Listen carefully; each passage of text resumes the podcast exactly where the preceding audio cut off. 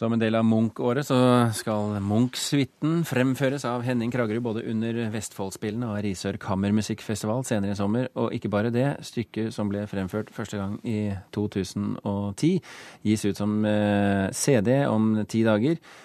Det blir mye på en gang, dette her, Kragerud?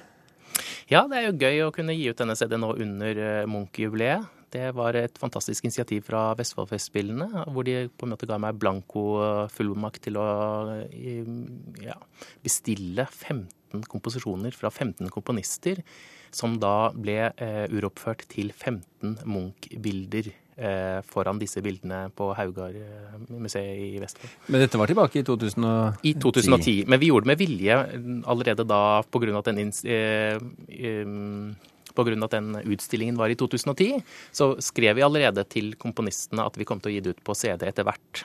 Sånn kunne da, så det var, vi visste jo om dette Munch-jubileet allerede da. Ja. Jeg var ikke helt sikker på at det ble ferdig til det. Men eh, hvordan klarte dere å stable 15 så vidt forskjellige komponister til å gjøre denne jobben? Nei, altså klart, Mange komponister har jo en fire-fem års eh, bestillingstid, og vi kom på denne ideen et halvt år eh, før konserten i 2010. Sånn at da brukte jeg litt sånn inside-kanaler som jeg hadde, for jeg reiser jo rundt som solist og spiller med symfoniorkesteret. Eh, og da den vanlige kutymen i klassisk verden er at de har et sånt eh, pliktverk av en eh, moderne komponist, og så har de en kjent fiolinkonsert for å trekke publikum. Og jeg sitter ofte og hører på generalprøven på dette moderne verket. Og det gjør at jeg har eh, hørt på utrolig mye moderne verk av forskjellige komponister rundt omkring i hele verden. Og vi vil ikke bare bestille fra norske komponister. Sånn at eh, nesten alle av disse komponistene er folk som jeg har møtt, og de har selv sittet i salen og hørt meg spille.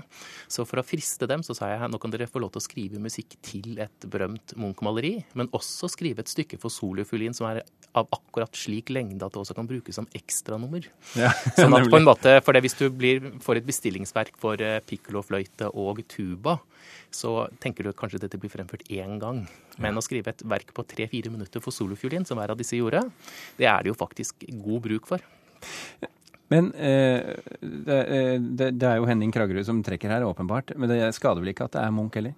Munch er eh, virkelig et uh, trekkplaster. Altså jeg, har jo spurt mange mennesker rundt omkring på mine reiser uh, om de kjenner Munch, og alle kjenner Munch, men veldig mange rundt omkring i verden vet, ikke, vet ikke, at han er fra Norge.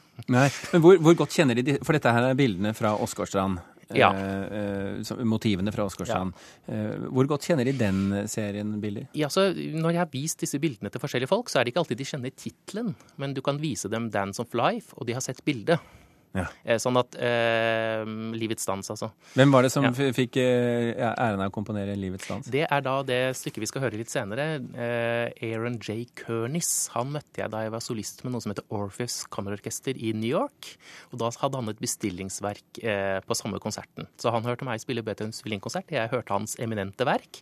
Og jeg trakk da veksler på det, for han har jo veldig lang bestillingstid, men jeg klarte å snike i den køen pga. det. Noen av dem er avantgardistiske, noen av dem er romantiske. De, spiller hen på assosiasjoner til uh, bildene. For det er veldig mye forskjellig her?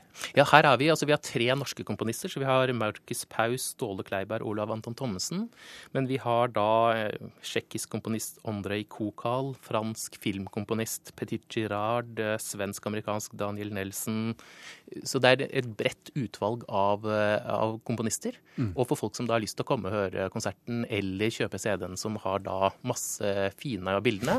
Du, Bjørn Simensen var skamløs i sitt innsalg her før i dag. Det lønner seg å være det. Men, men, så er det, man har lite å risikere i forhold til samtidsmusikk. For skulle man ikke like et stykke, så kan man heller studere Munch-bildet i tre minutter. For, fordi at da dere eh, fremførte, da du fremførte dette første gang, så var det foran hvert Nettopp. bilde. Men nå kommer vi til å ha altså, skjerm, ja, og da har vi skjerm med, hvor bildene blir vist. For det Første gang så hadde vi jo militærpoliti med maskingevær som kom stormende når noen var litt for nær rammen. Det skjedde på premieren. Gjorde det? ja da. Det skjer ikke her. Eh, vel, altså kan si, Man kan ikke reise rundt med 15 bilder av Munch rundt omkring i verden sånn til vanlig. Det er ganske stort apparat, så vi har heldigvis fått rettigheter nå eh, til å vise dette på, på skjerm og uh, forskjellige måter. Mm. Vestfoldspillene, er det 19. Eh, det er 19. og senere. 20. og 21. Ja, tror jeg også. Og så er det Risør Kammermusikkfestival. Og den begynner 25. Eh, juni. Så det, det er mange muligheter i, i Norge allerede da. Og Så har jeg fått en del tilbud fra utlandet. Henning Kragerø, det blir sikkert eh, tipp topp. Tusen hjertelig takk for at du kunne komme til Kulturnytt og, og gå Bjørn Simensen i næringen. Vi har tenkt til å runde av nå, og vi, det er Halvor Haugen, Karl Johan Rimstad og Birger Kålsrud Aasund. Takk for følget.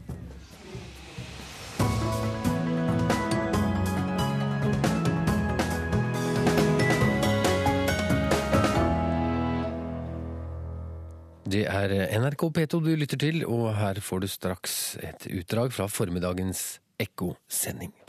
Og om en eh, halvtime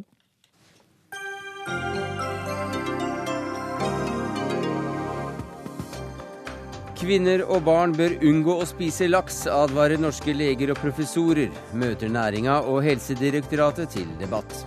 Utviklingsdepartementet bør nedlegges og bistandspolitikken forandres totalt, mener seniorforskere i ny bok, og møter ministeren i debatt klokka 18.00. NRK P2. Sommer i P2. Mitt navn er Knut Olav Åmås, og i mitt Sommer i P2 skal jeg fortelle hva du kan oppleve hvis du dropper å se Skavlan en fredag kveld. Om en ensom Yoko Ono i New York, og om to mennesker som forlover seg to ganger med hverandre i løpet av 40 år. Sommer i P2. Kjente stemmer inviterer deg nærmere. I morgen klokken 15.